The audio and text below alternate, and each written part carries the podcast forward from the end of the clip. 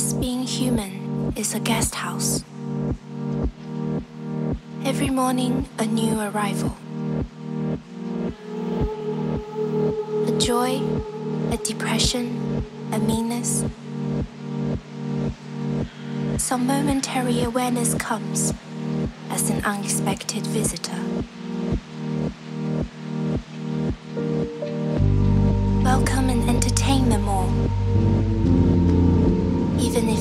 Crowd of sorrows who violently sweep your house empty of its furniture. Still, treat each guest honorably. He may be clearing you out for some new delight. The dark thought, the shame, the malice. Meet them at the door laughing and invite them in.